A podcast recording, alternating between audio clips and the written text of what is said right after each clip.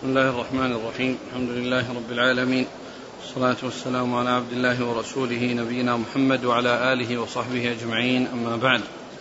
قال الإمام أبو الحسين مسلم بن الحجاج القشيري النيسابوري رحمه الله تعالى في كتابه المسند الصحيح. قال حدثنا يحيى بن أيوب وقتيبة, وقتيبة وابن حجر. واللفظ لابن أيوب قالوا حدثنا إسماعيل وهو ابن جعفر. قال أخبرني عبد الله بن دينار. أنه سمع عبد الله بن عمر يقول كنا نبايع رسول الله صلى الله عليه وسلم على السمع والطاعة. يقول لنا فيما استطعت. بسم الله الرحمن الرحيم. الحمد لله رب العالمين. وصلى الله وسلم وبارك على عبده ورسوله نبينا محمد وعلى آله وأصحابه أجمعين. أما بعد فهذا الحديث يتعلق بالمبايعة مبايعة الرسول صلى الله عليه وسلم وأصحابه مبايعة أصحاب الرسول صلى الله عليه وسلم إياه على السمع والطاعة. فكان يقول لهم أو يلقنهم أن يقول فيما استطعت. يعني يبايع على السمع والطاعة فيما استطاع. وذلك أن أن أن, أن, أن أنه لا يكلف الله نفسا إلا وسعها. فيكون على حسب استطاعته وعلى حسب قدرته لا يكلف الله نفسا إلا وسعها. وكان يلقنهم أن يضيفوا هذه العبارة وأن يقول فيما استطعت. و وهذا من كمال نصحه صلى الله عليه وسلم وشفقته على أمته وحرصه على سلامتها ودلالتها على كل ما يعود عليها بالخير وأن وأنه إذا كان قد حصلت منه المبايعة على يعني السمع والطاعة فقد يعني يحصل منه يعني عدم القدرة يعني في بعض الأمور التي يطلب منه القيام بها فكان عليه الصلاة والسلام يلقنهم بأن يضيفوا إلى ذلك آه، قول فيما استطعت أن يقول قائلهم فيما استطعت أبايع على السمع والطاعة فيما استطعت نعم. قال حدثنا يحيى بن أيوب وقتيبة قتيبة بن سعيد وابن حجر علي بن حجر السعدي. عن إسماعيل بن جعفر عن عبد الله بن دينار عن عبد الله بن عمر. نعم. قال حدثنا محمد بن عبد الله بن نمير قال حدثنا أبي قال حدثنا عبيد الله عن نافع عن ابن عمر رضي الله عنهما أنه قال عرضني رسول الله صلى الله عليه وسلم يوم أحد في القتال وأنا ابن أربع عشرة سنة فلم يجزني وعرضني يوم الخندق وأنا ابن خمس عشرة سنة فأجازني. قال نافع فقدمت على عمر بن عبد العزيز وهو يومئذ خليفة فحدثته هذا الحديث فقال إن هذا لحد بين الصغير والكبير. فكتب إلى عماله أن يفرضوا لمن كان ابن خمس عشرة سنة ومن كان دون ذلك فاجعلوه في العيال. قال وحدثناه أبو بكر بن شيبة قال حدثنا عبد الله بن إدريس وعبد الرحيم بن سليمان حاء قال وحدثنا محمد بن مثنى قال حدثنا عبد الوهاب يعني الثقفي جميعا عن عبيد الله بهذا الإسناد غير أن في حديثهم وأنا, وأنا ابن أربع عشرة سنة فاستصغرني. ثم ذكر يعني هذا الحديث المتعلق بسن البلوغ وأن الذي يكون به آه، شخص يعني يعني مع المجاهدين ويعتبر يعني من الكبار الذين حصل لهم البلوغ وحصل لهم التكليف. ف وهذا الحديث وما بعده يتعلق بالجهاد في سبيل الله عز وجل والكتاب كتاب الإمارة. والحديث الذي مر هو آخر حديث في يتعلق بالإمارة. وأما هذا هذا الباب وما بعده من الأبواب وكلها تتعلق بالجهاد وبأحكام الجهاد يعني في سبيل الله. يعني وليست داخلة في الإمارة وإنما هي جاءت تابعة والإمام مسلم رحمه الله وكذلك البخاري وغيرهم من العلماء يعني أحيانا يأتون بالترجمة بترجمة الكتاب ثم بعد ذلك يعني يأتون بشيء يتعلق به وبأمور أخرى كثيرة لا تتعلق به يعني في نفس الباب. ف فذكر آه، في آه، في كتاب الإمارة أحاديث تتعلق بالإمارة آخرها الحديث الذي مر وهو كونه يلقنهم فيما استطعت. وأما هذا الحديث الذي معنا وما بعده فإنها تتعلق بالجهاد. والرسول وعبد الله بن عمر يقول إنه عرضه الرسول صلى الله عليه وسلم يوم وعمره أربع عشرة سنة يوم أحد وكان ذلك في السنة الثالثة فلم يجزه. يعني ما اعتبره من الرجال المجاهدين. وعرض وعرضه يوم الخندق يعني بعدها في السنة التي تليها آه، فأجازه. يعني واعتبره يعني من المجاهدين وأنه خرج من كونه صغيرا وصار كبيرا. ومعلوم أن أن هذا يعني هو الحد الفاصل بالنسبة آه، البلوغ بالنسبة للسنين. ولكنه قد يحصل البلوغ قبل ذلك قد يحصل البلوغ قبل ذلك بأن يكون احتلام أو نبات شعر يعني حول القبل. وكذلك المرأة تزيد أنها تحيض فإن البلوغ يحصل بذلك.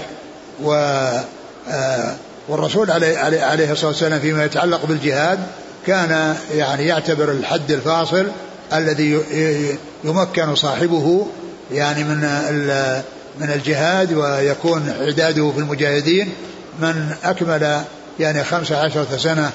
أما من كان دون ذلك فإنه يعتبر صغيرا. ولهذا جاء في يعني في عن نافع أنه قال لعمر بن عبد العزيز وكان ذلك في زمن ولايته فحدثه بهذا الحديث وقال إن هذا هو الحد الفاصل بين الصغار والكبار. ثم كتب لعماله على أن من بلغ خمس عشرة سنة فإنهم يفرضون له ويكون يعني حكم حكم البالغين المجاهدين. ومن كانوا دون ذلك فهو في العيال يعني أنه في الصغار الذين يكونون يعني تابعين ويعني وغيرهم يعني قائم بشؤونهم. وأما من بلغ فإنه يعامل معاملة البالغين ويصير من أهل الجهاد ويفرض له كما يفرض لغيره من الكبار.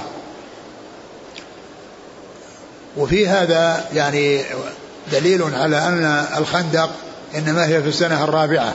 لهذا الحديث يدل على هذا وحديث صحيح يدل على أن الخندق في السنة الرابعة وفي كتب السير أنها في السنة الخامسة في كتب السير أنها في السنة الخامسة لكن هذا الحديث الذي بين أن أنه لما كان في أحد وهي في السنة الثالثة وأنه لم يجزه ولما عرض عليه وهو بعد أن أكمل الخامسة عشرة أجازه وقال أن ذلك عام الخندق يعني فدل ذلك على أن الخندق كانت بعد يعني في السنة الرابعة لهذا الحديث الصحيح عن رسول الله صلى الله عليه وسلم. وأما ما جاء في بعض كتب السير أنها في السنة الخامسة فهذا فهذا يخالف ما جاء في هذا الحديث الصحيح. نعم. قال حدثنا محمد بن عبد الله بن نمير عن أبيه عن عبيد الله. عبيد الله بن عمر العمري المصغر. عن نافع عن ابن عمر. نعم. قال وحدثناه أبو بكر بن شيبة عن عبد الله بن إدريس وعبد الرحيم بن سليمان حا قال حدثنا محمد بن المثنى عن عبد الوهاب. عبد الوهاب بن عبد المجيد الثقفي.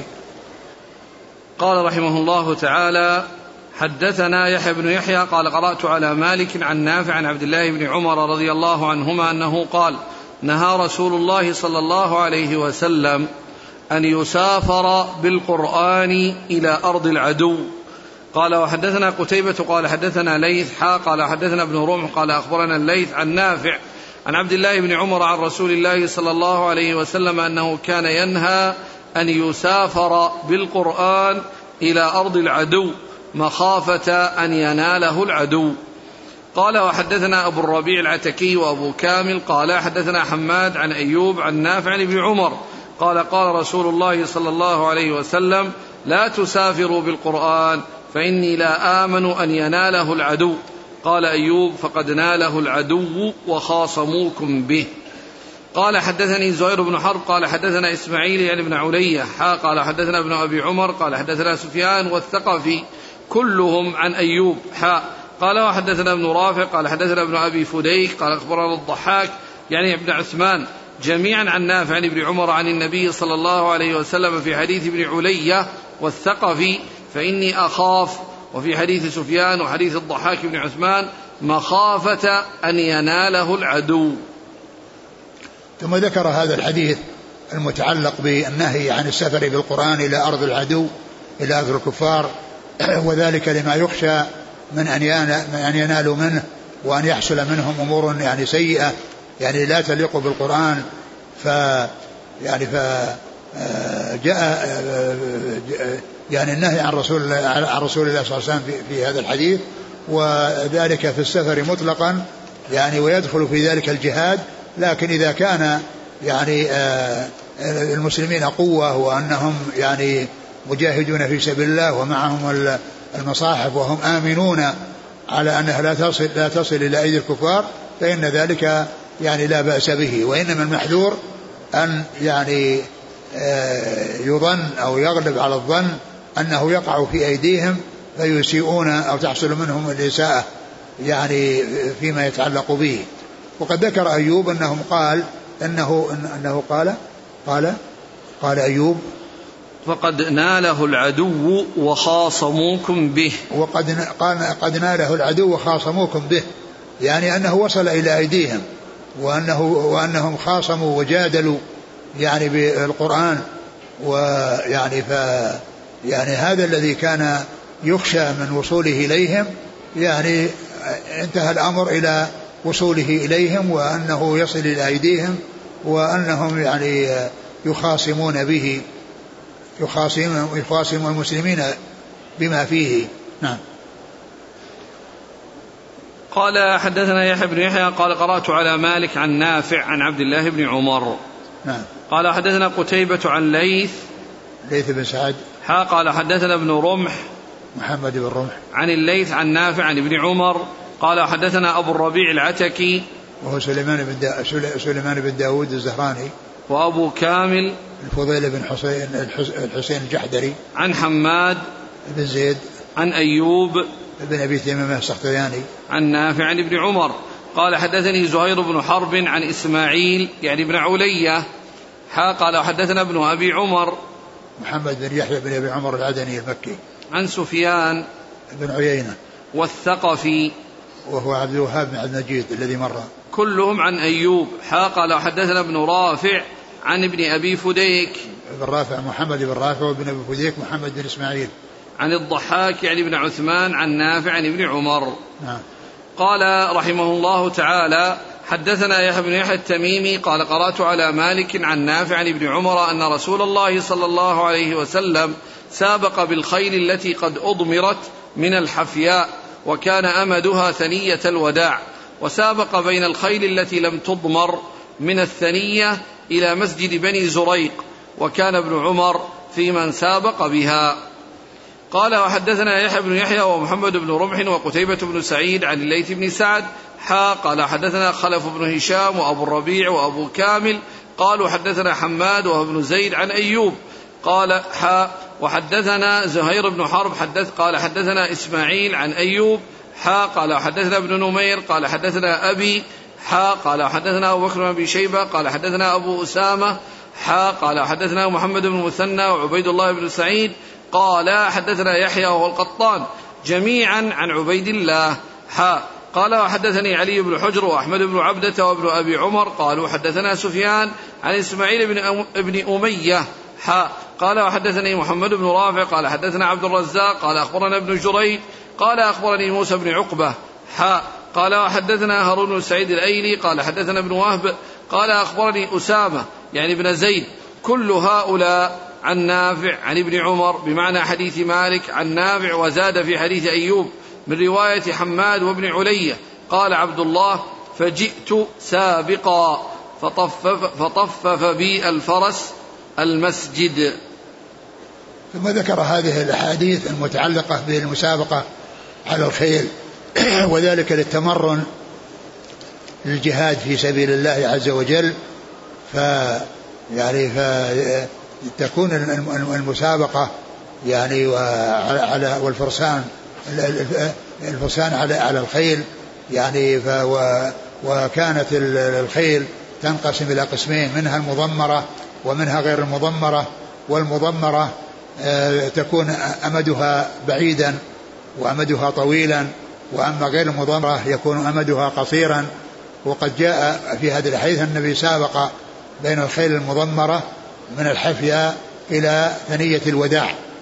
والحفية هي مكان خارج المدينة وكان ذلك باتجاه المدينة. وقيل إنها يعني خمسة أميال أو ستة أو أو خمسة أو أو أو, أو ستة أو سبعة. يعني هذا هو هذه المسافة التي بين الحفيا وبين ثنية الوداع. وثنية الوداع هي التي كان الذين يودعون المسافرين يعني إليها ثم يرجعون و و والخيل المضمرة هي التي تعلف ويعني حتى تسمن ثم بعد ذلك آه، تطعم طعاما يعني يسيرا ليس بكثير وتجعل في مكان يعني فيه يعني فيه حرارة يعني مكان يعني مكتوم ويعمل عليها أجلة حتى تعرق فيذهب يعني ما فيها من رهل ويبقى يعني قوة تحصل لها القوة يعني بسبب ذلك. فهذه يقال لها المضمرة وتكون أسرع من غيرها وأقدر من غيرها على الجري والعدو. وأما غير المضمرة هي التي لم يحصل لها ذلك. فكانت المسابقة بين المضمرة يعني مسافة طويلة من الحفية إلى ثنية الوداع وهي مقدارها يعني خمسة أميال أو ستة. وأما من ثنية الوداع وأما غير المضمرة فمن ثنية الوداع إلى مسجد بني زريق وهو مقداره ميل واحد. وهو مقداره ميل واحد. ويعني من ثنية الوداع إلى مسجد بني زريق. فإذا يعني هناك الحفية خارج المدينة وتنتهي عند ثنية الوداع. ثم من ثنية الوداع تبدأ يعني المسابقة على غير المضمرة إلى مسجد بني زريق. ومسجد بني زريق هو يعني بين ثنية الوداع وبين مسجد الرسول صلى الله عليه وسلم. وكان يسمى مسجد السبخ. ويعني ابن عمر رضي الله عنه ممن سابق على الخيل التي هي غير مضمرة. ممن سابق عليها التي مقدارها ميل. وقال إنه يعني سابق عليه وأنه يعني طفف يعني ف يعني معناه أنه إما تجاوز المسجد وأنه تعداه والحد هو وصول المسجد وأنه أسرع حتى تجاوزه وفي بعض الروايات, الروايات عند البخاري وغيره أنه قفز الجدار وكان صغيرا أو قصيرا فيعني جدار المسجد فقفزه لشدة جريه وعدوه. والحاصل أن أن أن الرسول يعني سابق يعني ومعنى سابق يعني أمر وأذن ولم يكن مقصود ذلك أنه كان راكبا وأنه هو الذي حصلت من المسابقة وإنما سابق يعني أذن بالمسابقة أو أمر بالمسابقة. وأن يكون من هذا من من الحفية إلى ثنية الوداع للمضمرة ومن ثنية الوداع إلى مسجد بني زريق لغير لغير المضمرة. نعم. أعد, أعد الحديث. سابق بالخيل صلى الله عليه وسلم سابق بالخيل التي قد أضمرت من الحفياء وكان أمدها ثنية الوداع. نعم يعني نهايتها. يعني البداية من الحفياء والوصول والنهاية والأمد الذي تنتهي إليه ثنية الوداع. ومن وسابق بين الخيل التي لم تضمر من الثنية إلى مسجد بني زريق. من الثنية إلى مسجد بني زريق وهذه المسافة قصيرة ميل. وأما تلك خمسة أميال أو ستة.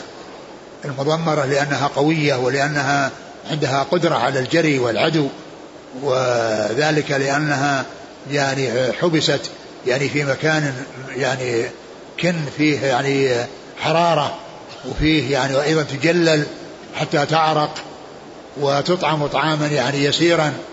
وقد كانت آه، آه، أطعمت حتى سمنت ثم أدخلت بعد سمنها وعملت هذه المعاملة التي بها يعني يخف يعني ما, ما, ما على جسدها يعني من من من يعني من رهل يعني أشياء الذي هو أورام أو أشياء يعني ليست ويبقى اللحم يعني لحمها قويا يعني آه، آه، يكون عندها نشاط. لا يكون عند غيرها من الخيل التي لم يحصل لها مثل ما حصل لها. نعم. قال فطفف بي الفرس المسجد. طفف بي الفرس المسجد يعني فسر بأنه تجاوز المسجد معناه أنه تعداه وكان الأمد أنه يقف عند المسجد. فالفرس هو نفسه لعدوه تجاوز. أو أنه قفز مع جدار قصير حتى دخل في المسجد. نعم. قال حدثنا يحيى بن يحيى التميمي عن مالك عن نافع عن ابن عمر. قال حدثنا يحيى بن يحيى ومحمد بن رمح قتيبة عن الليث بن سعد. حا قال حدثنا خلف بن هشام وأبو الربيع وأبو كامل عن حماد بن زيد عن أيوب.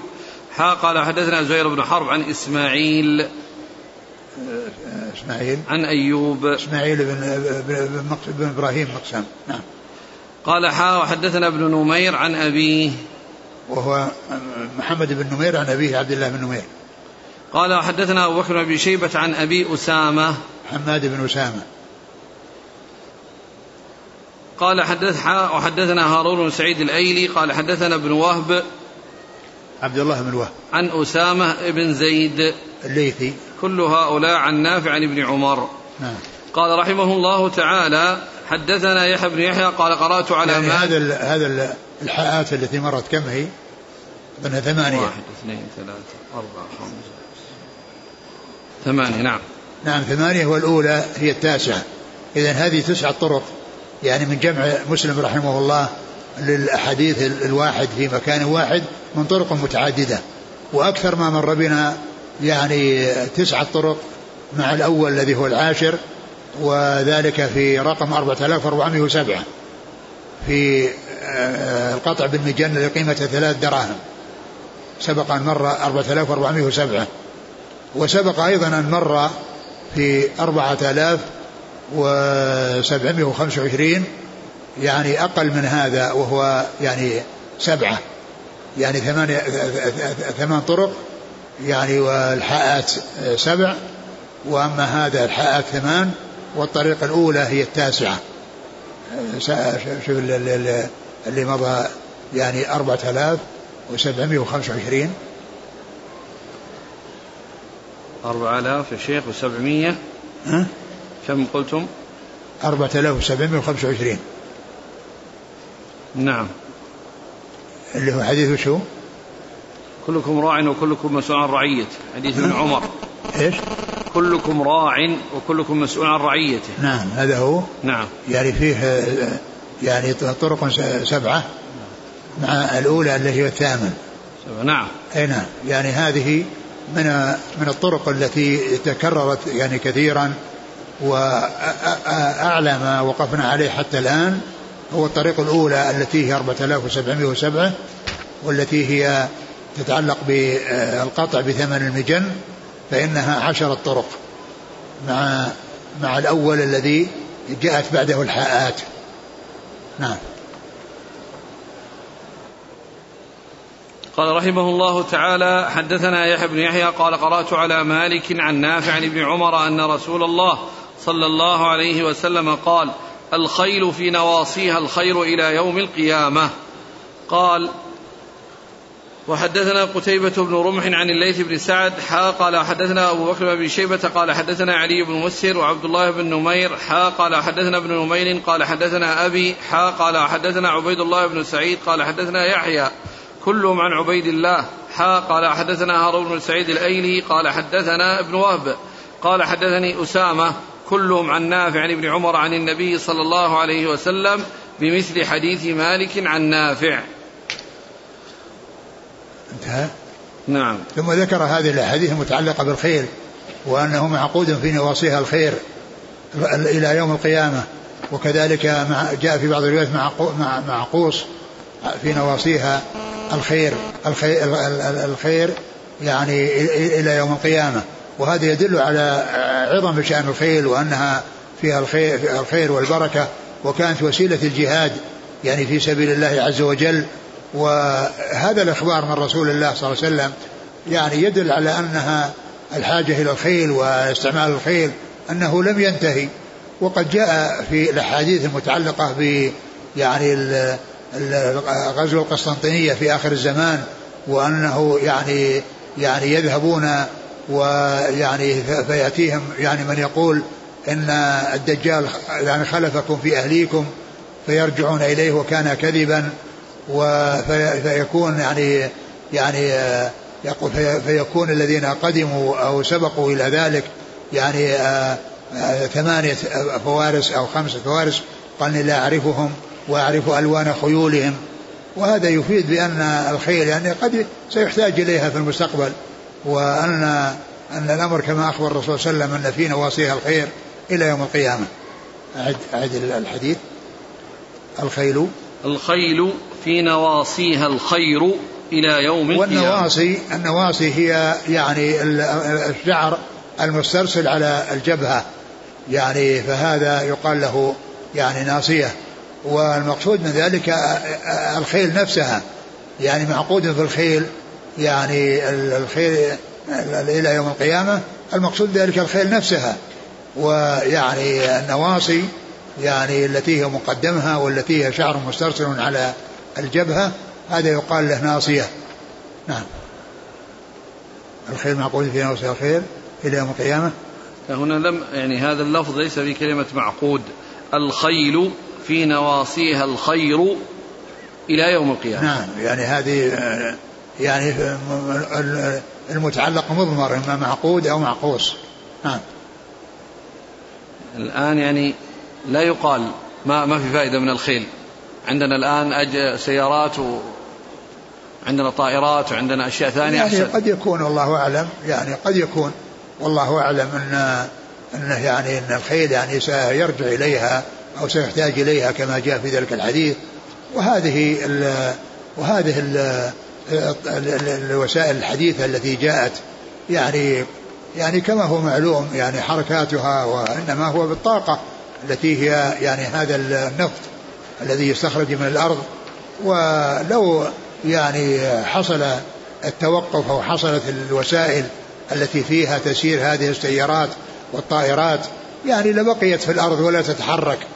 يعني ولكن يعني ما أخبر به الرسول صلى الله عليه وسلم أنه سيقع وأن الخيل ستستعمل في آخر الزمان كما ثبت ذلك في الصحيح عن رسول الله صلى الله عليه وسلم نعم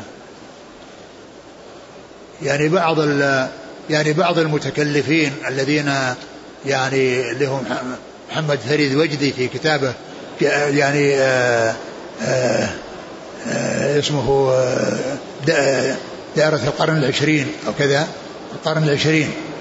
يعني تكلم فيه بكلام يعني سيء وذكر حديث الدجال وأنكرها ويعني ومع أنها متواترة وجاب الحديث الذي فيه يعني يأجوج ومأجوج وأنهم يرمون بالنشاب وأنها ترجع إليهم مخضوبة دما ثم ينكر يعني يتهكم بهذا الحديث ويقول أن أن أن, أن, أن, أن يعني واضع هذا الحديث. يعني ما درى أنها لن يأتي وقت إلا وجاءت المبيد يعني هذه الوسائل الحديثة والأشياء المتفجرة والأشياء وجاب عدة أشياء. يعني ويقول أن هذا يعني الذي وضع هذا الحديث. ما الحديث في الصحيح. هذا الحديث في الصحيح. ولكنه أنكر وتكلم بكلام سيء. يعني بي بي بي عن هذه الأحاديث. وقال إن الذي وضع هذا الحديث ما أعرف أنه لن يمضي وقت إلا وحصل كذا وحصل كذا وحصل كذا. ف فهذا يعني مما اشتمل عليه كلام محمد الويدي وأنا قد ذكرت ذلك يعني في الرد في كتاب الرد على ما كذب بالأحاديث الصحيحة الواردة في المهدي وذكرت أن يعني أن الاحاديث اللي وردت وأن أن هؤلاء يعني يقال أن الدجال خلفه في أهليهم وأنهم يرجعون وأن الذين أول من يصل يعني ستة فوارس أو سبع فوارس أني لا أعرفهم وأعرف أسماءهم وألوان خيولهم. فيعني هذا يفيد بأن يعني أن هذه الوسائل قد يأتي عليها زمان يعني تبقى حديد في الأرض يعني حديد بارد يعني في الأرض يعني لا يستفاد منه والله أعلم. نعم. قال وحدثنا نصر بن علي الجهضمي وصالح بن حاتم بن وردان, بن وردان جميعا عن يزيد. قال الجهضمي حدثنا يزيد بن زريع. قال حدثنا يونس بن عبيد عن عمرو بن سعيد عن أبي زرعة بن عمرو بن جرير عن جرير بن عبد الله رضي الله عنه قال رأيت رسول الله صلى الله عليه وسلم يلوي ناصية فرس بإصبعه وهو يقول الخيل معقود بنواصيها الخير إلى يوم القيامة الأجر والغنيمة. ثم ذكر هذا الحديث عن جرير بن عبد الله البجلي وأنه رأى النبي صلى الله عليه وسلم وهو يلوي أو يعني ناصية الخيل التي هي شعر متدلي على جبهتها مما يكون على عنقها فكان يعني أن يلويه يعني بأصبعه ويقول الخيل معقود في نواصيها الخير إلى يوم القيامة الأجر والمغنم. الأجر والمغنم يعني أن الناس يجاهدون عليها وأنهم يحصلون يعني يحصلون في الجهاد عليها يعني إما شهادة وأنهم يقتلون في سبيل الله أو أنهم يرجعون بأجر وغنيمة إذا كان هناك غنيمة أو يرجعون بأجر إذا لم يكن هناك غنيمة. وهنا قال الخير الخير معقود في نوصيها الخير إلى القيامة الأجر والمغنم.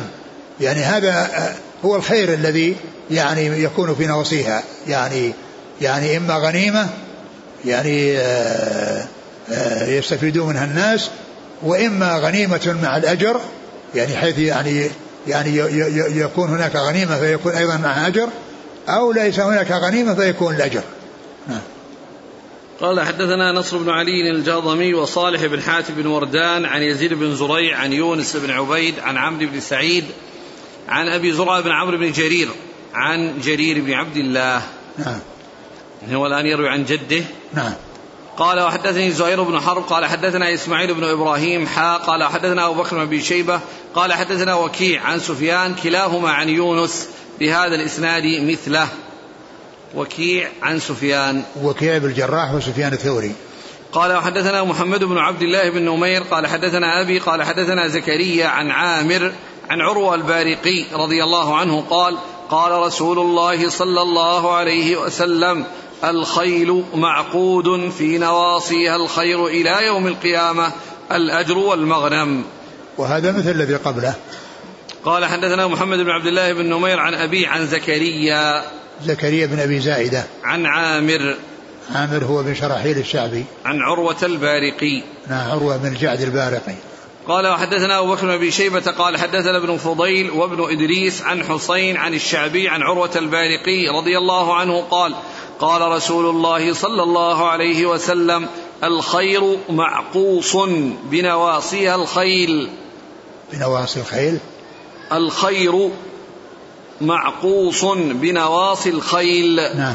قال فقيل له يا رسول الله بما ذاك؟ قال الأجر والمغنم إلى يوم القيامة. وهذا مثل الذي قبله لأنه قال معقوص.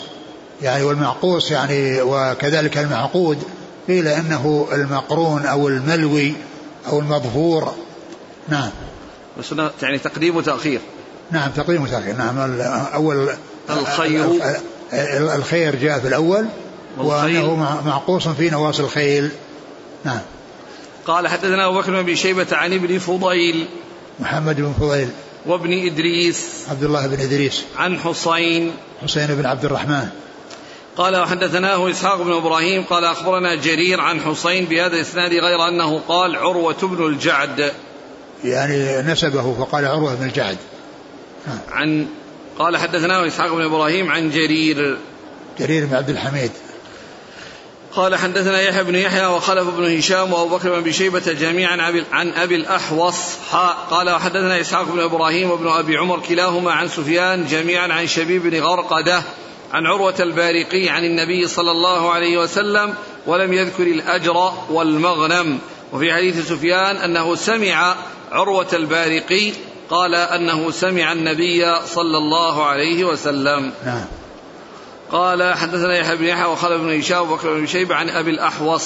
وهو سلام بن سليم الحنفي. قال وحدثنا عبيد الله بن معاذ قال حدثنا أبي حا قال وحدثنا ابن المثنى وابن بشار قال حدثنا محمد بن جعفر كلاهما عن شعبة عن أبي إسحاق عن العيزار بن حريث عن عروة بن الجعد عن النبي صلى الله عليه وسلم بهذا ولم يذكر الأجر والمغنم. نعم. عن أبي إسحاق. وهو عمرو بن عبد الله الهمداني السبيعي. قال وحدثنا عبيد الله بن معاذ عن قال حدثني أبي حا قال وحدثنا محمد المثنى وابن بشار قال حدثنا يحيى بن سعيد كلاهما عن شعبة عن أبي التياح عن أنس بن مالك رضي الله عنه أنه قال قال رسول الله صلى الله عليه وسلم البركة في نواصي الخيل. ثم ذكر هذا الحديث عن أنس وقال البركة في نواصي الخيل. وهذا يعني يبين أن يعني أن المعقود يعني ان ان, أن الخير يعني أن هذا من البركة التي جعلها الله عز وجل يعني في الخيل. نعم. قال حدثنا محمد المثنى بن بشار عن يحيى بن سعيد عن شعبة عن أبي التياح. وهو يزيد بن حميد. قال وحدثنا يحيى بن حبيب قال حدثنا خالد يعني بن الحارث حا قال وحدثني محمد بن الوليد قال حدثنا محمد بن جعفر قال حدثنا شعبة عن أبي التياح أنه سمع أنسا يحدث عن النبي صلى الله عليه وسلم بمثله. نعم. يقول آه هل يؤجر الإنسان الآن في هذا الوقت إذا ربى الخيل بنية العبادة؟ مع العلم أنه لا يحتاجه الآن. لكل امرئ ما نوى. أما يعني أما يعني اتخاذها ل يعني ل يعني لتحصيل كاس وما كاس وما إلى ذلك فهذا يعني يعني المقصد غير سليم. قال رحمه الله تعالى وحدثنا يحيى بن يحيى وأبو بكر بن ابي شيبة وزهير بن حرب وأبو كريب قال يحيى أخبرنا وقال الآخرون حدثنا وكيع عن سفيان عن سلم بن عبد الرحمن عن أبي زرعة عن أبي هريرة أنه قال كان رسول الله صلى الله عليه وسلم يكره الشكال من الخيل. قال وحدثناه محمد بن نمير قال حدثنا أبي حا قال وحدثني عبد الرحمن بن بشر. قال حدثنا عبد الرزاق جميعا عن سفيان بهذا الإسناد مثله وزاد في حديث عبد الرزاق والشكال أن يكون الفرس في رجله اليمنى بياض وفي يده اليسرى أو في يده اليمنى ورجله اليسرى. قال حدثنا محمد بن بشار قال حدثنا محمد يعني بن جعفر حا قال حدثنا محمد بن مثنى قال حدثني وهب بن جرير جميعا عن شعبة عن عبد الله بن يزيد النخعي عن أبي زرعة. عن أبي هريرة رضي الله عنه عن النبي صلى الله عليه وسلم بمثل حديث وكيع وفي رواية وهب عن عبد الله بن يزيد ولم يذكر النخعي. ثم ذكر هذا الحديث المتعلق ب يعني ما يكره من الخيل وهو الذي يقال فيه الشكال وفسر الشكال هنا بأن تكون يعني يد مع الرجل التي يعني مع من الجانب يد من جانب ورجل من جانب يعني يكون فيها بياض أو العكس بأن تكون يعني آه، اليد اليمنى مع الرجل اليسرى أو اليد اليسرى مع الرجل اليمنى. وقد جاء أيضا عدة أشياء في تفسير الشكال يعني غير هذا. والمقصود من ذلك كأن المقصود أن هذا يعني أنه ليس فيها نجابة. يعني أن ما كان من هذا النوع أنه مجرب ومعروف أنه ليس فيه نجابة. فهذا هو وجه الكراهية. نعم. قال حدثنا يحيى بن يحيى وأبو بكر بن شيبة وزهير بن حرب وأبو كريب عن وكيع عن سفيان عن سلم بن عبد الرحمن. أبو كريب هو هو محمد بن علاء بن كريب. عن وكيع عن سفيان. وكيع بن الجراح وسفيان الثوري. عن سلم بن عبد الرحمن. وسلم بن عبد الرحمن هذا أخو حسين بن عبد الرحمن. أخو حسين بن عبد الرحمن نعم. عن أبي زرعة. أبو زرعة بن عمرو بن جرير. عن أبي هريرة. نعم. قال حد وحدثناه محمد بن نمير عن أبي حا قال حدثنا عبد الرحمن بن بشر عن عبد الرزاق جميعا عن سفيان. قال حدثنا محمد بن بشار عن محمد بن جعفر حا قال حدثنا محمد بن مثنى عن واب بن جرير عن شعبة عن عبد الله بن يزيد النخعي. عن أبي زرع عن أبي هريرة. نعم. قالوا أخطأ فيه شعبة. فقال يعني بدل. عبد الله بن يزيد النخعي. نعم. والسابقون يروونه عن سلم بن عبد الرحمن عن أبي زرعة. نعم قال رحمه الله تعالى وحدثني زهير بن حرب قال حدثنا جرير عن عمارة وابن القعقاع عن أبي زرعة عن أبي هريرة رضي الله عنه أنه قال قال رسول الله صلى الله عليه وسلم تضمن الله لمن خرج في سبيله لا يخرجه إلا جهادا في سبيلي وإيمانا بي. وتصديقا برسلي فهو علي ضامن أن أدخله الجنة أو أرجعه إلى مسكنه الذي خرج منه نائلا ما نال من أجر أو غنيمة. والذي نفس محمد بيده ما من كلم يكلم في سبيل الله إلا جاء يوم القيامة كهيئته حين كلم لونه لون دم وريحه مسك. والذي نفس محمد بيده لولا أن يشق على المسلمين. ما قعدت خلاف سرية ما قعدت خلاف سرية تغزو في سبيل الله أبدا ولكن لا أجد سعة فأحملهم ولا يجدون سعة ويشق عليهم أن يتخلفوا عني. والذي نفس محمد بيده لوددت أني أغزو في سبيل الله فأقتل ثم أغزو فأقتل ثم أغزو فأقتل.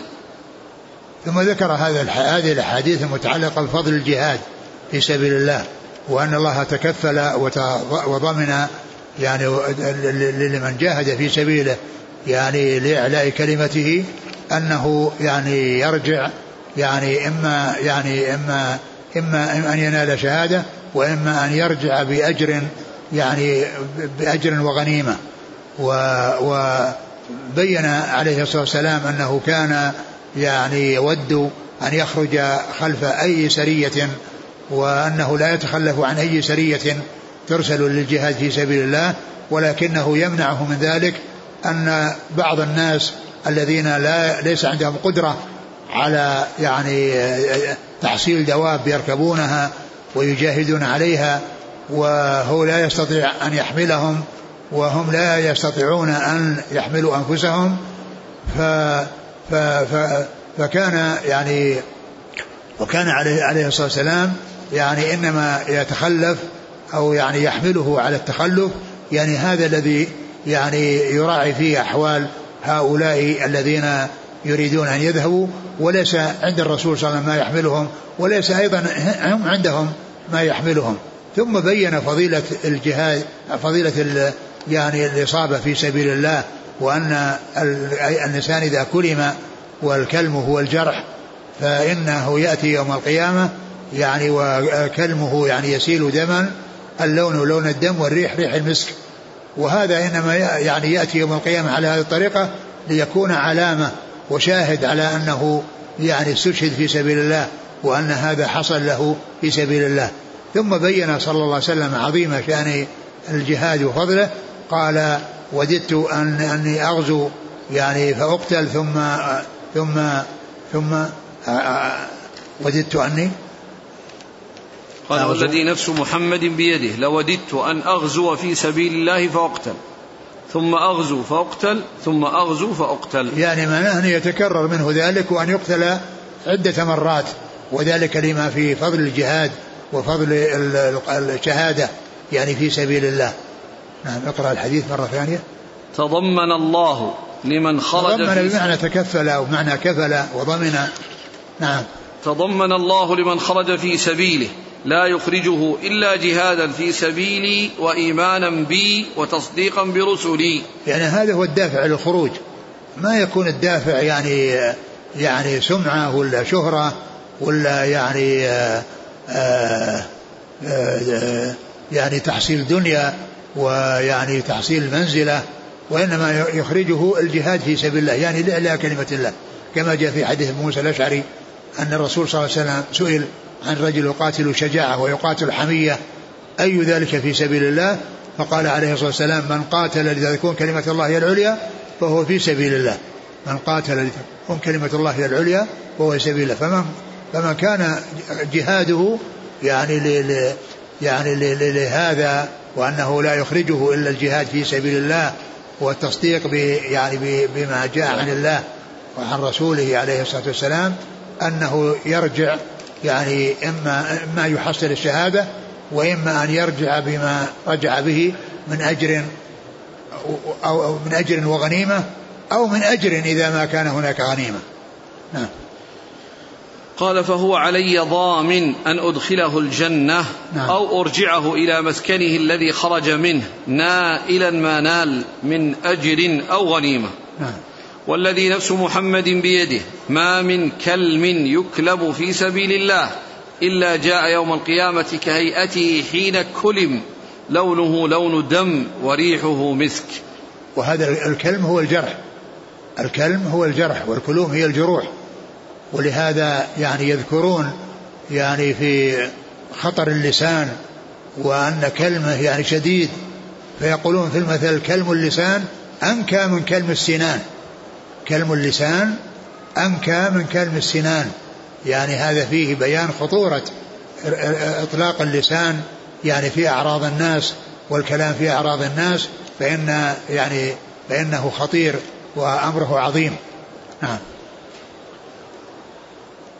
قال والذي نفس محمد بيده لولا أن, أن يشق على المسلمين ما قعدت خلاف سرية تغزو في سبيل الله أبدا. يعني أنه عليه الصلاة والسلام أي سرية يرسلها يكون معها ولكنه يتخلف من أجل هذا الذي يعني راعاه في حق يعني من لا يستطيع أن يحمل نفسه وهو صلى الله عليه وسلم لا يستطيع أن يحمله. نعم. قال ولكن لا أجد سعة فأحملهم ولا يجدون سعة ويشق عليهم أن يتخلفوا عني. يعني ولا يجدون سعة فيحملون أنفسهم. يعني لا يجد هو سعة فيحملهم بأن يكون عنده يعني دواب يحملهم عليها وهم لا يجدون سعة فيحملون أنفسهم ويشق عليهم أن يتخلفوا عنه فكان عليه السلام يتخلف بسبب ذلك. أو هذا من أسباب تخلفه عليه الصلاة والسلام. قال والذي نفس محمد بيده لوددت أن أغزو في سبيل الله فأقتل ثم أغزو فأقتل ثم أغزو فأقتل. وهذا كله يبين عظيم يعني فضل الشهادة في سبيل الله. نعم. قال حدثني زهير بن حرب عن جرير عن عمار بن القعقاع عن أبي زرعة عن أبي هريرة. نعم. قال وحدثناه أبو بكر بن أبي شيبة وأبو كريب قال حدثنا ابن فضيل عن عمارة بهذا الإسناد. نعم. قال وحدثنا يحيى بن يحيى قال أخبرنا المغيرة بن عبد الرحمن الحزامي عن أبي الزناد عن الأعرج عن أبي هريرة عن النبي صلى الله عليه وسلم أنه قال تكفل الله لمن جاهد في سبيله لا يخرجه من بيته إلا جهاد في سبيله وتصديق كلمته بأن يدخله الجنة أو يرجعه أو يرجعه إلى مسكنه الذي خرج منه مع ما نال من أجر أو غنيمة. نعم وهذا مثل الذي قبله. عن أبي الزناد وهو عبد الله بن ذكوان. عن الأعرج. وهو عبد الرحمن بن هرمز. قال حدثنا عمرو بن الناقد وزهير بن حرب. قال حدثنا سفيان بن عيينة عن أبي الزناد عن الأعرج عن أبي هريرة عن النبي صلى الله عليه وسلم قال لا يكلم أحد في سبيل الله والله أعلم بمن يكلم في سبيله إلا جاء يوم القيامة وجرحه يثعب اللون لون دم والريح ريح مسك. أعد والله قال لا يكلم لا يكلم أحد في سبيل الله. والله أعلم بمن يكلم في سبيله. يعني قوله والله أعلم بمن يكلم في سبيله يعني الذي يكون قاتل لتكون كلمة الله هي العليا. يعني ما خرج يعني رياء ولا سمعة ولا شهرة ولا حمية ولا غير ذلك وإنما لتكون كلمة الله هي العليا. فإذا يعني ليس كل يعني من يكون كذلك يعني أو كل من يعني يحصل له كلم ولكنه يعني ليس عنده هذه النية وليس عنده هذا الصدق واليقين الذي يعني آه الذي هو كونه في يجاهد في سبيل الله ويجاهد لإعلاء كلمة الله. قوله والله أعلم من يكلم في سبيله يعني من الناس من يكلم وهو ما خرج لإعلاء كلمة الله وإنما خرج للشهرة أو لغير ذلك. نعم. لا يكلم أحد في سبيل الله والله أعلم بمن يكلم في سبيله. هذه جملة اعتراضية بيان أن أن الذي يعني يكلم في سبيل الله من, من كان يعني قصده إعلاء كلمة الله وأن تكون كلمة الله هي العليا والله أعلم بمن يكون قصده ذلك فهذا هو الذي يعني يكون له هذا الأجر والثواب. نعم. إلا جاء يوم القيامة وجرحه يثعب اللون يثعب. يعني يثعب يعني يصب يعني ويفيض يعني مثل ما كان عند القتل في حال قتله وهذا كما عرفنا يكون علامة على شهادته وأن يعني أنه يأتي يوم القيامة على هذا الوصف يعني ليكون دليلا على شهادته وهذا اللون الذي هو لون الدم لون كون اللون لون الدم ولكن الريح ريح المسك. قال حدثنا عمرو الناقد وزهير بن حرب عن سفيان بن عيينة عن أبي الزناد عن الأعرج. قال وحدثنا محمد بن رافع قال حدثنا عبد الرزاق قال حدثنا معمر عن همام بن منبه. قال هذا ما حدثنا أبو هريرة عن رسول الله صلى الله عليه وسلم فذكر أحاديث منها وقال رسول الله صلى الله عليه وسلم كل كلم يكلمه المسلم في سبيل الله ثم تكون يوم القيامة كهيئتها إذا طعنت تفجر دما اللون لون دم والعرف عرف المسك. وقال رسول الله صلى الله عليه وسلم والذي نفس محمد في يده لولا نشق على المؤمنين ما قعدت خلف سرية تغزو في سبيل الله ولكن لا أجد سعة فأحملهم ولا يجدون سعة فيتبعوني ولا تطيب أنفسهم أن يقعدوا بعدي. ثم ذكر هذا الحديث وهو من صحيح تمام منبه وهو مثل الذي قبله وفي ذكر العرض والعرف هو الرائحة. الأحاديث الذي مرت يعني فيها الرائحة اللون لون الدم والريح ريح المسك هنا قال العرف والعرف هو الرائحة. نعم. قال حدثنا محمد بن رافع عن عبد الرزاق عن معمر بن راشد الأزدي البصري. عن همام بن منبه نعم.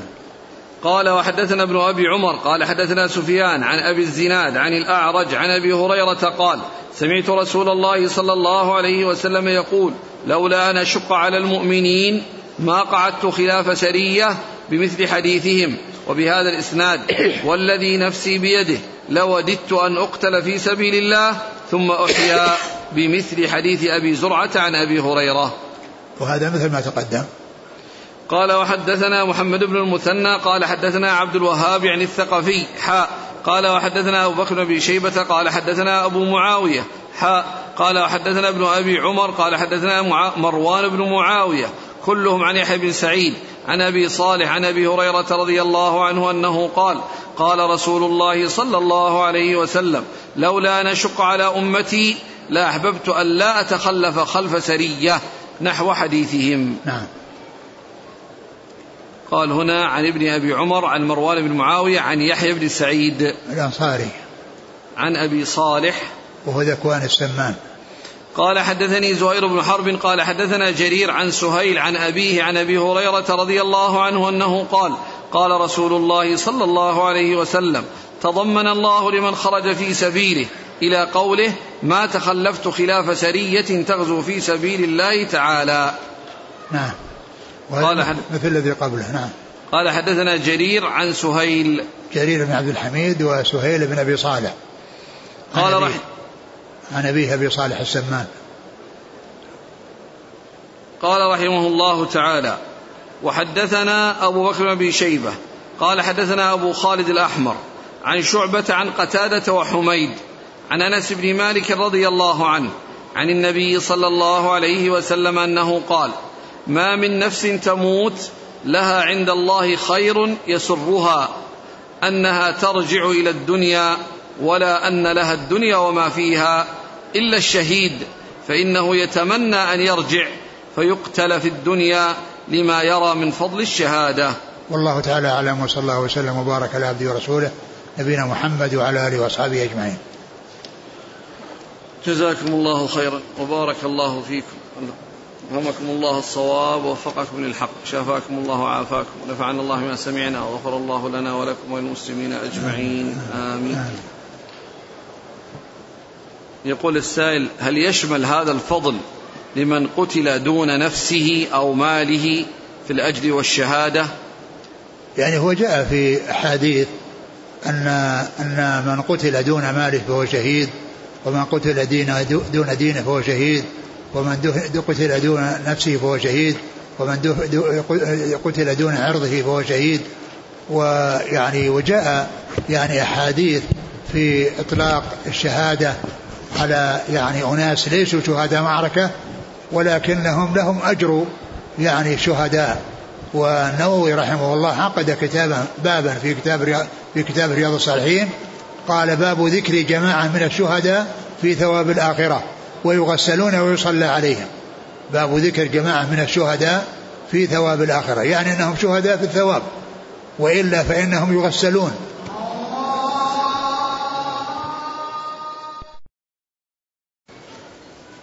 شهداء المعركة يدفنون في ثيابهم وكذلك يعني لا يغسلون وذلك لأن يعني هذا علامة على الشهادة. ولهذا جاء أنه يأتي يوم القيامة اللون لون الدم والريح ريح المسك. لكن هؤلاء الذين قتلوا دون يعني دون مالهم أو دون دون أهليهم أو دون أنفسهم أو دون دينهم هؤلاء شهداء في ثواب الآخرة ولكنهم يغسلون.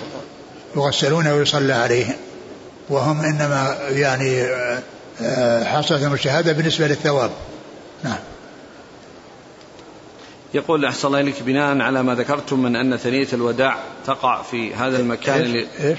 ثنية الوداع نعم أنها قريبة من مسجد السبق نعم إذا هل يفهم من ذلك أن الأبيات التي كانت تقال عند قدومه صلى الله عليه وسلم من مكة وأن أهل المدينة استقبلوه وهو مهاجر بقول طلع البدر علينا من ثنيات الوداع ما أدري يعني أنا لا عن ثبوت؟ ما أدري عن ثبوت يعني هذا وأن هذا يعني ثابت يعني أنه مجيء مكة أنه قيل هذا لا أدري. لكنها هي في جهة الشمال ليست في جهة الجنوب. يقول هل ما ورد في فضل الجرح في سبيل الله يدخل كذلك من يؤذى في الدعوة إلى الله؟ من إيش؟ من يؤذى يؤذى؟ دعوة نعم.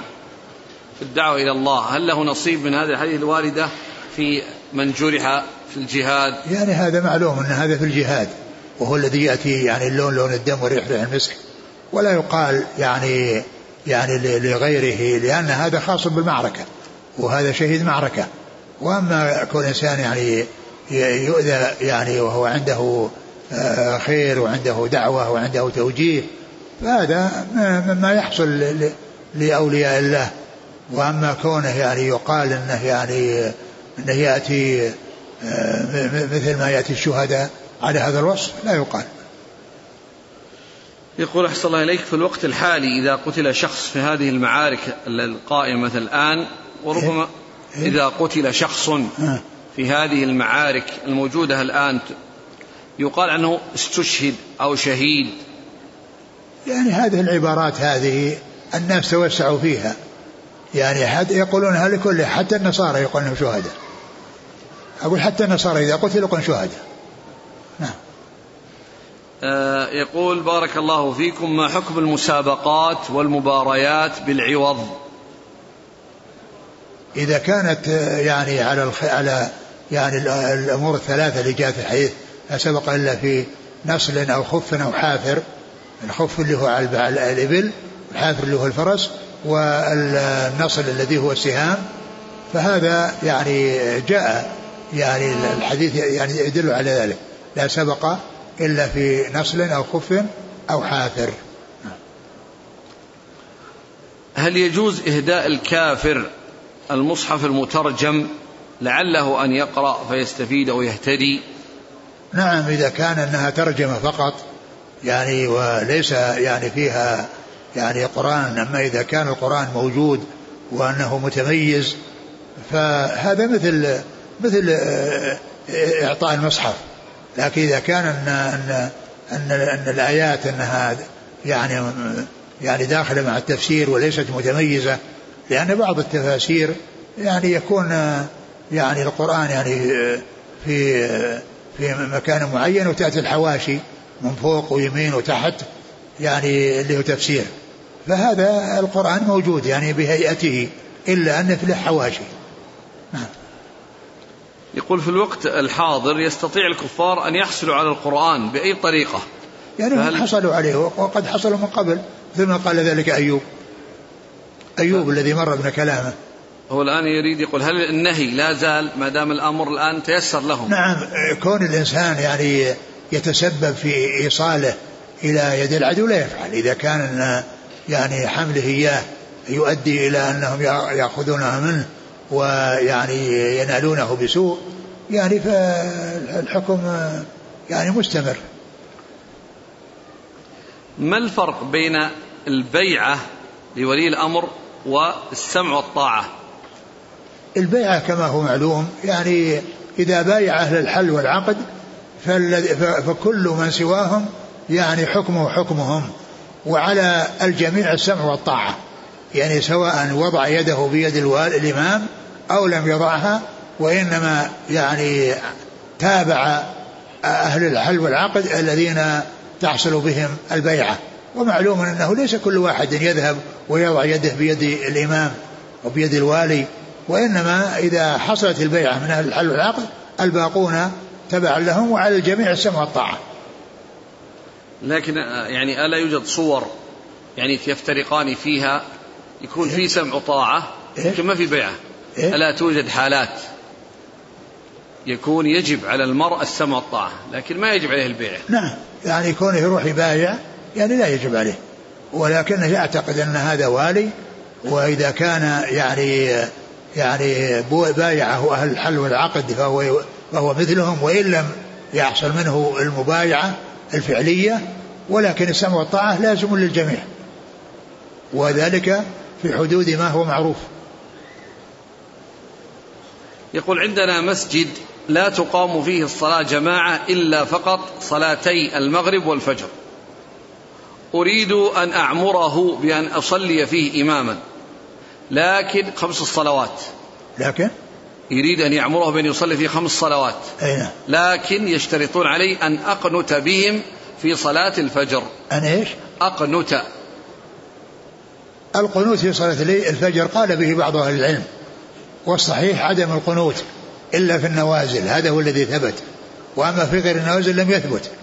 لكن إذا كان الإنسان يعني بقاءه في الإمامة في خير وفي مصلحة ومعلوم أنهم هم يعني لا يقنتون جهرا وإنما يقنتون سرا فهو من أجل المحافظة على يعني بقائه إذا كان بقائه في خير ونفع للناس في هذه الإمامة يعني يسكت ولكنه لا يقنت.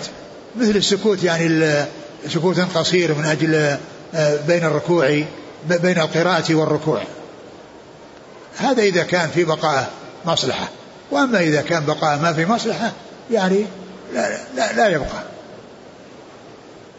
يسأل عن تفسير المنار وهل صحيح أن صاحبه ينكر الأحاديث الواردة في الخيل ما أدري يعني عن ما يتعلق بالخيل لكن تفسير المنار يعني فيه كلام طيب وفيه كلام سيء. والبلاء الذي حصل لصاحب المنار هو من يعني محمد عبده من جمال الأفغاني. نعم. يقول آه، عندنا في البلد أهل السنة يصلون صلاة العيد في ساحة المدرسة لا يمكنون من الساحات الأخرى فهل مثل هذه الحالة تجوز صلاة العيد في ساحة المدرسة؟ يصلى في المساجد إذا كان ما فيه أماكن يعني مهيئة لصلاة لصلاة العيد يعني إلا في المساجد يصلي الناس في المساجد. يقول آه يترتب على ذلك أنه أحيانا يكثر العدد. فساحة المدرسة لا تكفي فيصلي الناس إحنا أجبنا بأنهم يصلون في المساجد. هو حصل هذا الآن صلوا والعدد كثير. يعني المرة الثانية يروحوا يصلوا في المسجد. لا هي فيه مسألة الآن صلوا خلف سور المدرسة. على كل الذي راح الذي راح انتهى يعني لا يتدارك ولكن يعني آه، آه، آه، بعد ذلك يصلون في المساجد. هذا يقول في بلادنا تمتلئ المساجد في بعض الصلوات فيصلي الناس في الشارع وربما يكون ذلك أمام الإمام. لا أمام الإمام لا يجوز. لا يجوز أن يتقدم على الإمام. هل يجوز للمسلم أن يصرف الفوائد الربوية في الضرائب؟ أولا الفوائد الربوية لا يأخذها.